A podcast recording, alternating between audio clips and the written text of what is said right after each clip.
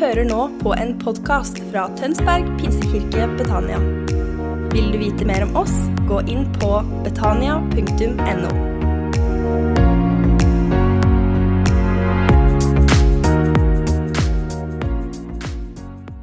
Veldig bra. Vi snakker om å være en del av noe større. Snakka litt om i høst, eh, om eh, å være familie, fellesskap. Og jeg tror virkelig at vi finner vår tilhørighet i Guds familie. Det er der vi virkelig hører hjemme.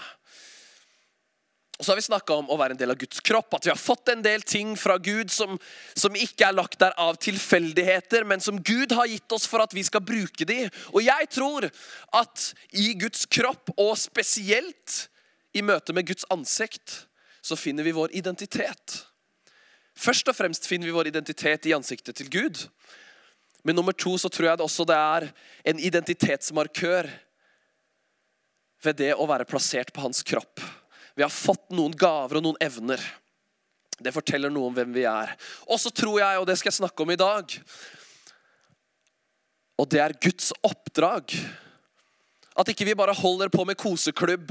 Vi holder ikke bare på med aktiviteter, men det er et oppdrag som ligger på oss som kirke, på oss som kristne. Og jeg tror at når vi finner det oppdraget, så finner vi også meningen med eksistensen. Meningen med hvorfor vi samles, meningen med hvorfor vi driver det vi driver med. Så jeg håper du har skjønt det at her hører du hjemme. Her finner du din identitet, og her finner du din mening. For dette er Guds familie, dette er Guds kropp. Og så skal du i dag få høre litt mer om Guds oppdrag. Er du klar? Så bra. Vi skal lese noen vers fra Johannes kapittel 20. Der står det Det var om kvelden samme dag, den første dagen i uka. Av frykt for jødene hadde disiplene stengt dørene der de var samlet. Da kom Jesus, og han sto midt iblant dem og sa, 'Fred være med dere.' Og da han hadde sagt det, visste viste han dem sine hender og sin side. Disiplene ble glade da de så Herren. Igjen sa Jesus til dem, fred være med dere. Som far har sendt meg, sender jeg dere. Så åndet han på dem og sa, ta imot Den hellige ånd. Dersom dere tilgir syndene deres, da er de tilgitt. Dersom dere fastholder syndene deres for noen, er de fastholdt. Så denne teksten skal vi se litt nærmere på i dag. Og vi skal begynne med at som far har sendt meg, så sender jeg dere. Det er ikke mitt oppdrag, dette her. Det er ikke mitt oppdrag, det er heller ikke ditt oppdrag. For hvis det hadde vært det, så hadde dette vært definisjonen av Mission Impossible. Ikke engang Tom Cruise kunne ha gjort dette oppdraget.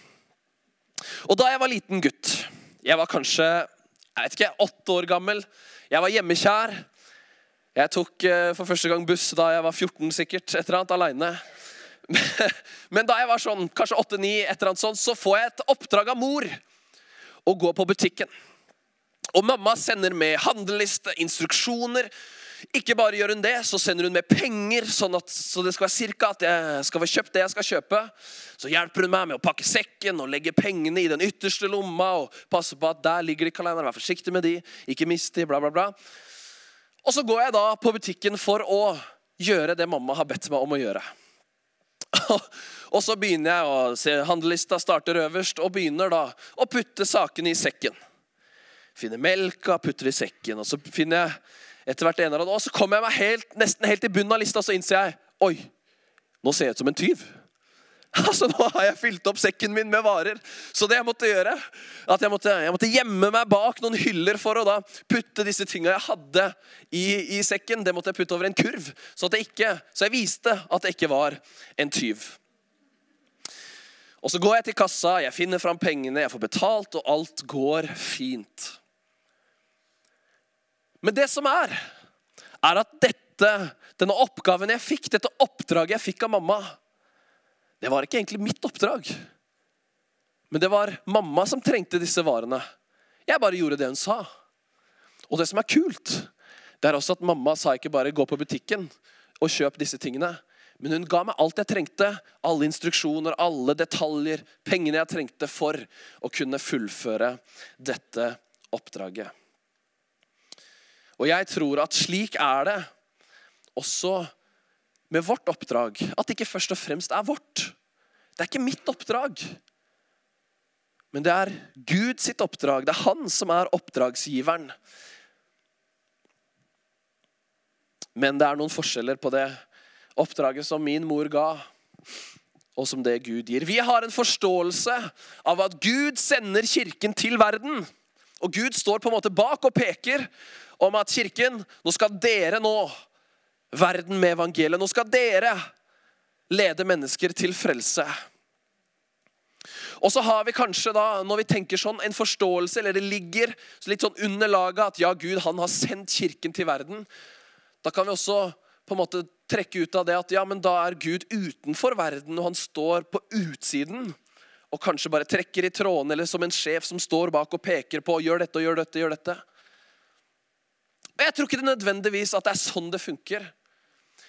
Fordi jeg tror ja, at Gud han har sendt oss som kirke til verden med et oppdrag. Men jeg tror ikke at han har sendt oss til verden, men at han er i verden selv også. Så han står ikke bak som en sjef og peker 'Kirken godt i verden og, og, og frelst den'. Men Gud er allerede i verden, som han inviterer med oss som kirke, oss som kristne, med på å gjøre. Så forskjellen, eller en av forskjellene på det oppdraget som min mor ga, og det oppdraget Gud gir, er at mamma sendte meg på butikken for å gjøre hennes oppdrag, fullføre hennes oppdrag. Men Gud han går med oss i butikken, holder oss i hånda, viser vei, peker. Hjelper oss, veileder oss. Fordi jeg tror Gud er i verden. Gud er allerede i gang. Gud lever. Gud gjør noe iblant oss. Det så jeg på Eidsvoll i går. Gud han, han er ikke stille. Så er egentlig spørsmålet da om vi blir med på det Gud gjør og ikke motsatt. Veldig ofte så er det at man har en tanke, og jeg har vært sånn altfor mange ganger, at jeg har en tanke om hvordan vi skal gjøre ting. Og så ber jeg Gud bli med på det jeg gjør. Men Gud er allerede i verden. Gud frelser allerede. Gud møter mennesker allerede. Så spørsmålet er om vi blir med på det han gjør.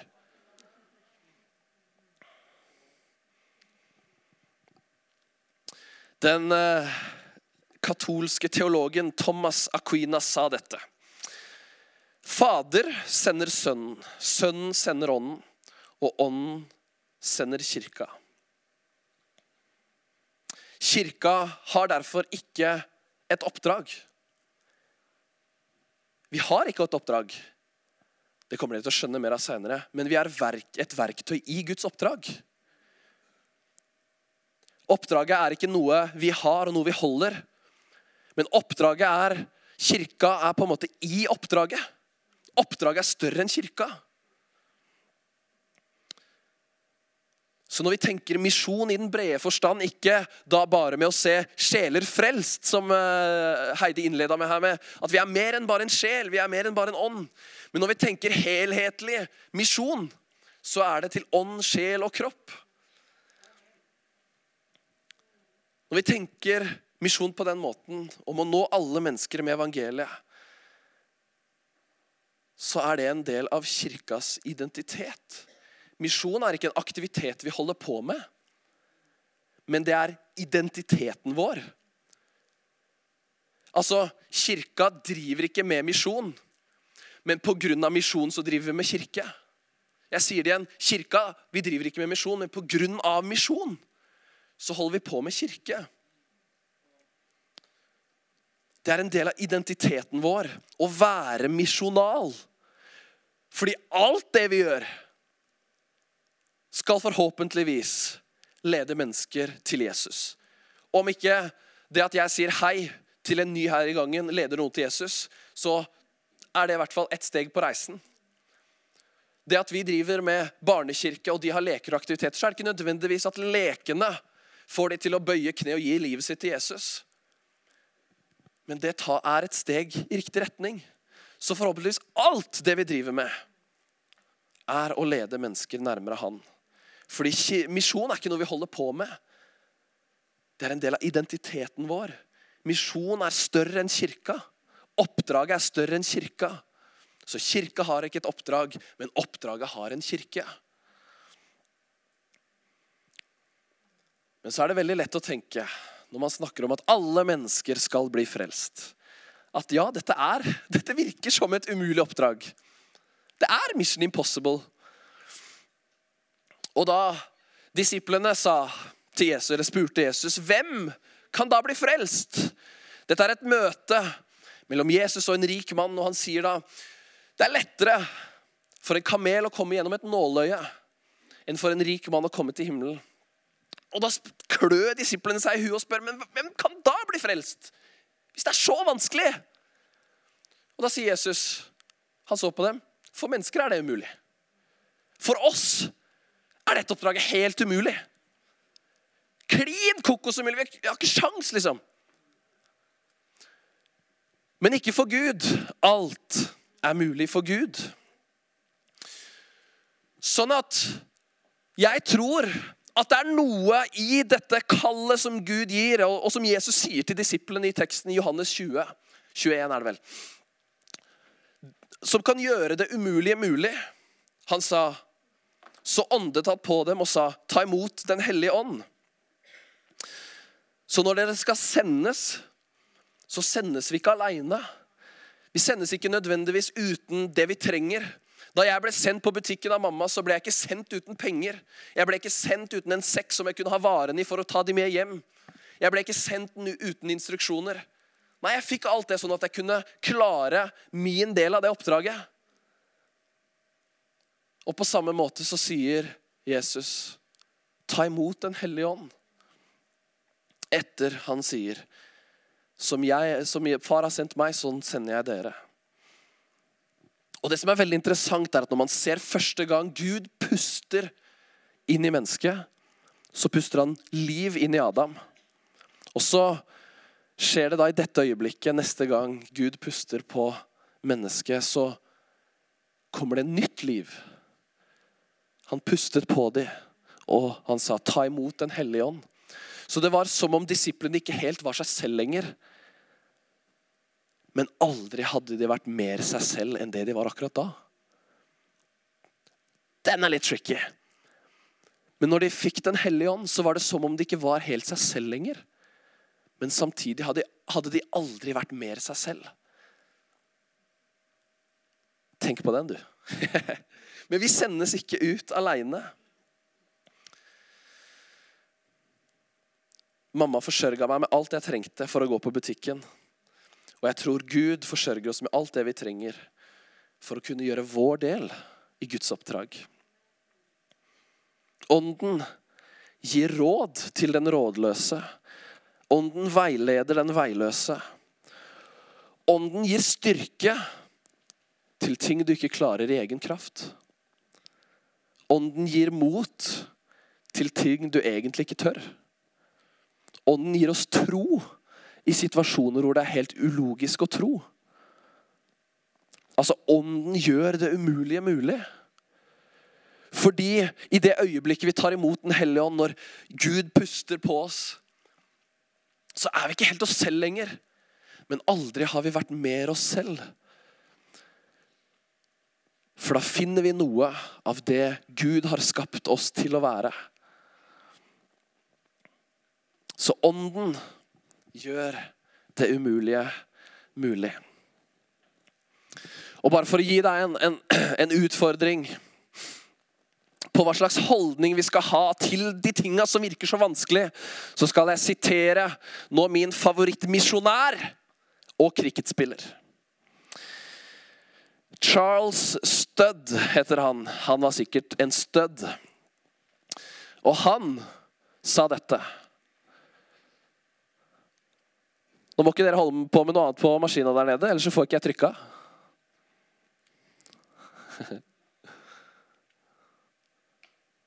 Kom an. Der! Charles Studd han sier dette. Some wish to live within the sound of church and chapel bell. I want to run a rescue shop within a yard of hell. Det er veldig mange av oss som ønsker å leve et komfortabelt kristenliv. Innenfor liksom kirkens fire vegger og her. I kjerka kan vi tro, på en måte. Her er det lett å være kristen. Men det Charles Studd sier, som har vært misjonær, og han er en av liksom de som var med og starta den moderne eh, eh, misjonærbevegelsen Han var misjonær i India, i Kina, i Afrika og i Amerika. Og så var han cricketspiller i tillegg. Og han sier det at noen av oss ønsker å leve komfortable kristenliv innenfor lyden av kirken og kirkeklokkene. Men jeg, jeg har ikke lyst til det. Jeg har lyst til å drive en redningsbutikk eller redningsskøyte en meter unna helvete. Some wish to live within the sound of church and chapel bell. I want to run a rescue shop within a yard of hell. I egen kraft er det, dette er helt umulig. Men jeg tror med åndens hjelp så er det, er det mulig. For jeg tror Gud sender oss ikke ut i hans oppdrag. Liksom bare sånn Ja, dere får klare dere sjøl. Nei, han gir oss alt det vi trenger for å kunne gjøre vår del i oppdraget.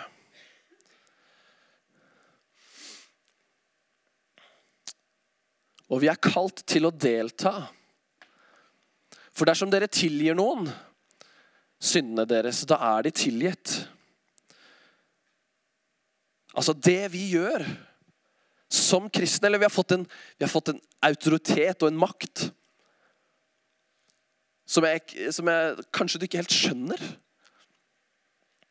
For det er som om Jesus sier at 'nå har jeg gått og tilgitt mennesker syndene deres'. Og nå skal dere gjøre det. For når dere tilgir, så er de tilgitt. Altså de tingene vi gjør i oppdraget som kristne, det kan få himmelske konsekvenser. Det kan få evighetsverdi for noen mennesker, selv om vi kanskje ikke helt ser det. Men han gir oss en autoritet og en makt som kristne og som kirke. Det forteller noe om hva slags rolle vi har i dette oppdraget. Fordi Jesus sier i Markus 1, 17, Kom og følg meg, så skal jeg gjøre dere til menneskefiskere. Jesus sier ikke 'kom og følg meg og se på meg gjøre tinga'. Jesus sier ikke 'kom og se på meg og finansier liksom turene mine'. Jesus sier heller ikke 'kom og se på meg, og så kan jeg gjøre de kule tinga', så kan du liksom på en måte gjøre de tinga i kulissene.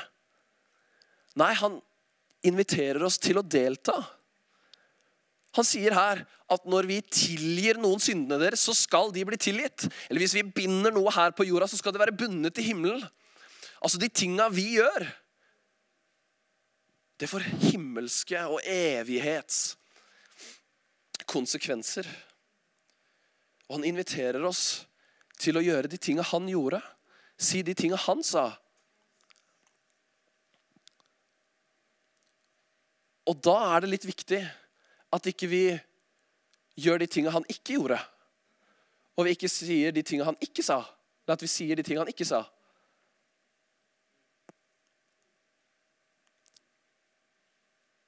Han inviterer oss til å være med og fortsette på det han begynte, og som det Gud allerede gjør i verden, nemlig å tilgi mennesker deres synd. Å forkynne evangeliet til frelse det er litt av en tillitserklæring han har til sine disipler, til sin kirke. La oss ta vare på den. La oss gjøre det ordentlig. Og det er um, en god historie som egentlig illustrerer det å følge Guds instruksjoner versus våre egne. At det er Gud som får lov til å sette premissene for oppdraget eller om det er vi som setter premissene for oppdraget. Og den historien er illustrert på veggen der. Jesus kommer gående på stranda morgen, på en morgen, og så er dette etter han uh, har stått opp igjen fra de døde. Han har vist seg for disiplene én gang, og så gjør han det en gang til. Og så har disiplene gått tilbake til sitt gamle liv. De har blitt kalt av Jesus til å være menneskefiskere. Men nå har de blitt fiskefiskere. Nå er de tilbake og lever sitt gamle liv, tilbake i sine gamle systemer og vaner. Så kommer Jesus gående på stranda der, og de har ikke fått en eneste fisk. De har fiska natten lang. Ikke engang en fiskepinne har de fått. Og så sier Jesus, 'Kast garnet ut på den andre siden'. Og så får de så mye fisk at de ikke kan få det opp igjen.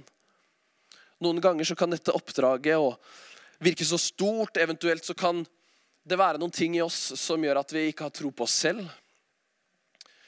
I januar-februar så var jeg der, hvor jeg tenkte at jeg er ferdig. Dette er ikke noe for meg. Dette klarer ikke jeg. Men bare av Guds nåde står jeg her. Ikke fordi jeg har vært flink, eller fordi Nei, bare av Guds nåde kan jeg stå her. Så det er helt naturlig, det er helt vanlig å enten tenke at vet du hva, jeg kan ikke brukes, eller at dette oppdraget virker helt umulig. Men da tenker jeg at hvert fall hvis vi skal gjøre dette oppdraget, så må vi vite hvem som setter premissene, og hvem som gir instruksjonene. Disiplene hadde gått tilbake til sitt gamle liv og tenkt ja, ja, nå er det over og ut, nå er vi ferdig. Og så går de tilbake og fisker fisk istedenfor å fiske mennesker. Og så holder de på i båten der på, på egen hånd, og så kommer Jesus og gir dem en instruksjon. Og plutselig så får de mer fisk enn det de kunne klare å ta hånd om. Så Jesus han inviterer oss til å fortsette det han begynte. Og gjøre det, eller være med på det Gud gjør i verden. Men da må vi vite hvem er det som setter premissene. Hvem er det som er oppdragsgiveren? Og vet du hva, det går fint å tvile på seg sjøl eller føle seg litt liten i møte med noe som kan virke som et umulig oppdrag. Men med Gud For, oss er det umulig, men for Gud er alt mulig. Til slutt så skal vi se på noen ting til. Vi skal, eh, vi skal sitere han eh, favorittcricketspilleren vår en gang til. Only one life, it will soon be past. Only what's done for Christ will last. Han var en poet, han her, altså. Altså, Vi har bare ett liv, og det vil snart være slutt. Og det er bare det som blir gjort for Jesus, som kommer til å vare. Og nå sier ikke jeg at til deg som er lærer, eller til deg som driver med økonomi, eller hva enn du måtte gjøre, at du må slutte jobben din. Sier, jeg sier akkurat det motsatte, egentlig. Jeg, jeg har ikke sagt det, men jeg mener det motsatte. At du må ikke slutte i jobben du har. Du må ikke isolere deg for å tjene Jesus. For Jesus sier selv jeg ber ikke om at du skal ta dem ut av verden, men at du skal bevare dem fra det onde. De er ikke av verden, altså disiplene. Dere, etterfølgerne av Jesus Kristus. Dere er ikke av verden, like som jeg ikke er av verden, hellige dem i sannheten. Ditt ord er sannhet. Like som du har utsendt meg til verden, har også jeg utsendt dem til verden. Så vi er utsendt i verden, men vi er ikke av den, på lik linje som Jesus ikke er fra denne verden. Det er en oppmuntring. Jesus sier at vi ligner på han.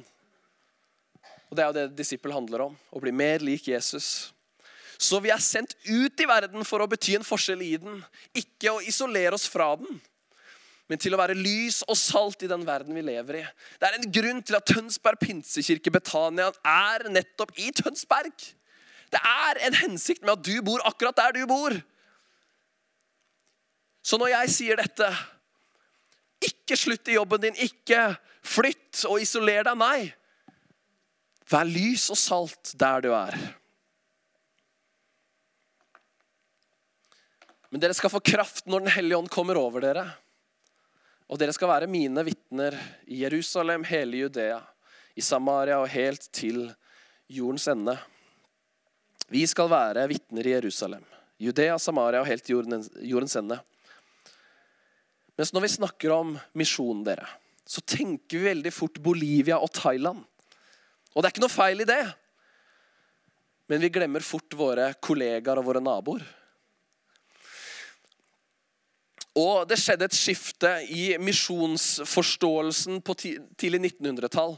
Da det kom noen misjonærer hjem fra Asia til England, og så tenkte de oi, eh, nå er misjonsmarken her. Disse trenger det minst like mye som de der borte. For de hadde vært, levd lenge borte i Asia.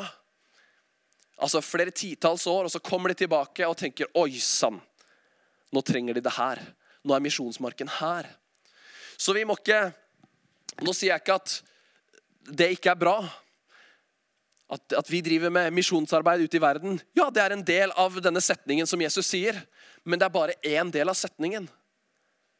Vi skal være i Jerusalem, Judea, Samaria og helt til jordens ende. Derfor skal vi være vitner i nabolagene våre, på arbeidsplassen vår, i byen vår, i fylket vårt, i landet og i Bolivia og Thailand etter hvert. Men vi må først være vitner i nabolaget, på arbeidsplassen, i byen. Det er der vi må starte. Og eh, De siste åra har jeg reist litt rundt på ungdomsmøter, på leirer og, sånn, og, og, og talt. Og så tenkte jeg i vår det må jeg slutte med. Det er jeg ferdig med. I hvert fall for en periode. Men jeg var, dette, dette, dette kan jeg ikke gjøre mer. Fordi hva er poenget? At jeg reiser og, og taler for tilfeldig ungdom i Ålesund og Drammen og Lille, hvor enn. Hvis jeg ikke kan være lys og salt for mine naboer. Hvis jeg ikke kan dele tro med mine venner. Hvis jeg ikke kan forkynne evangeliet til mine kollegaer. De trenger det, de òg. Men helt seriøst Så jeg har slutta å reise. Fordi jeg ble for opptatt å bety noen for noen der ute. Sånn at jeg ikke klarte å bety noen for de som er aller nærmest meg. Jeg måtte slutte med det.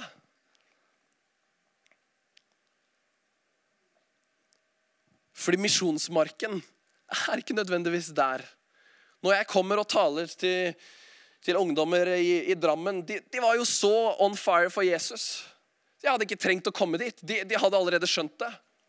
Mens mine naboer som bor 20 meter unna døra mi, de har enda ikke hørt om Jesus. Så at misjonsmarken er ikke der. Men misjonsmarken er på Engåstoppen, der jeg bor. Så derfor har jeg i dag, siden jeg skulle snakke om dette, så har jeg tatt på meg Descend-sokkene mine. Så når jeg tar på meg de, så tenker jeg at vet du hva, nå er jeg utsendt av Gud for å bety en forskjell i mitt nabolag, og i dag bety en forskjell her i kirka. Jeg er sendt. Fordi, folkens Only one life. It will soon be past. Only what's done for Christ will last. Så bruk den arbeidsplassen du har, for å være lys og salt.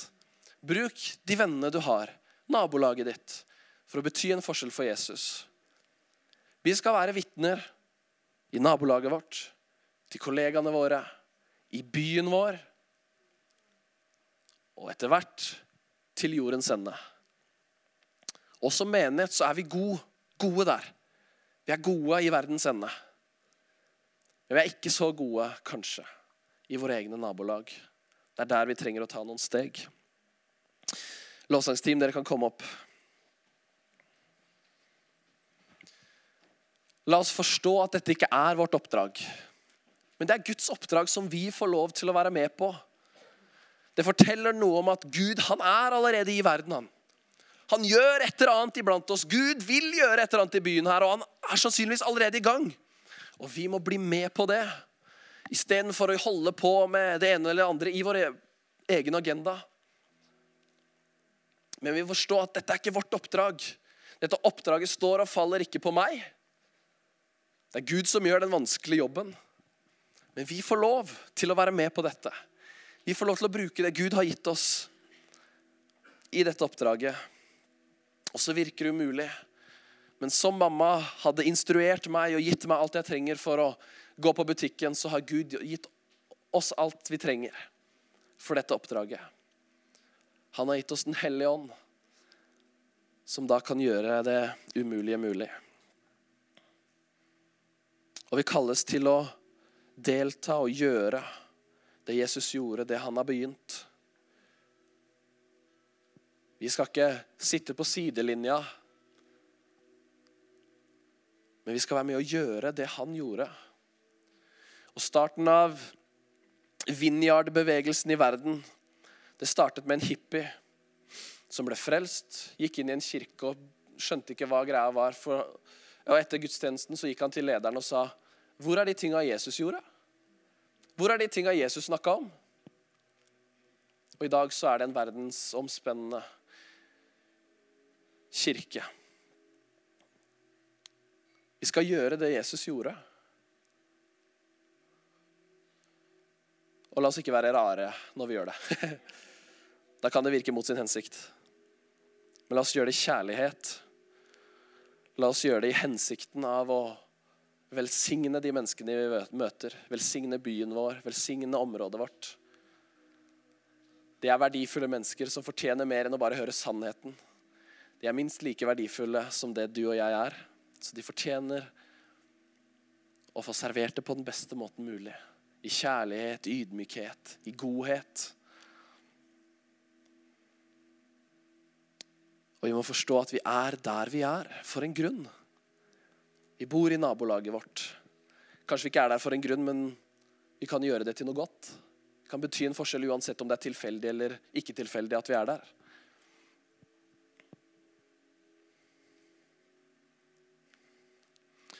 Du kan ta og reise deg på føttene dine.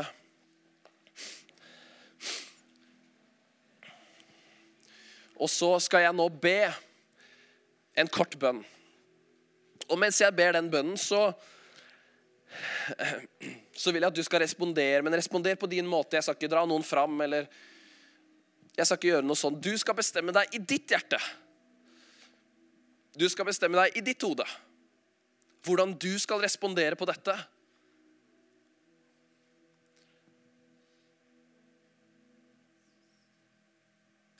Dette kallet som Gud gir til å bli med i hans oppdrag. Hvordan ser det ut for deg? I din kontekst, i din nærhet, i dine relasjoner. Så når jeg ber nå, så be med meg med de tinga du har bestemt deg for, og de tinga du har tenkt på.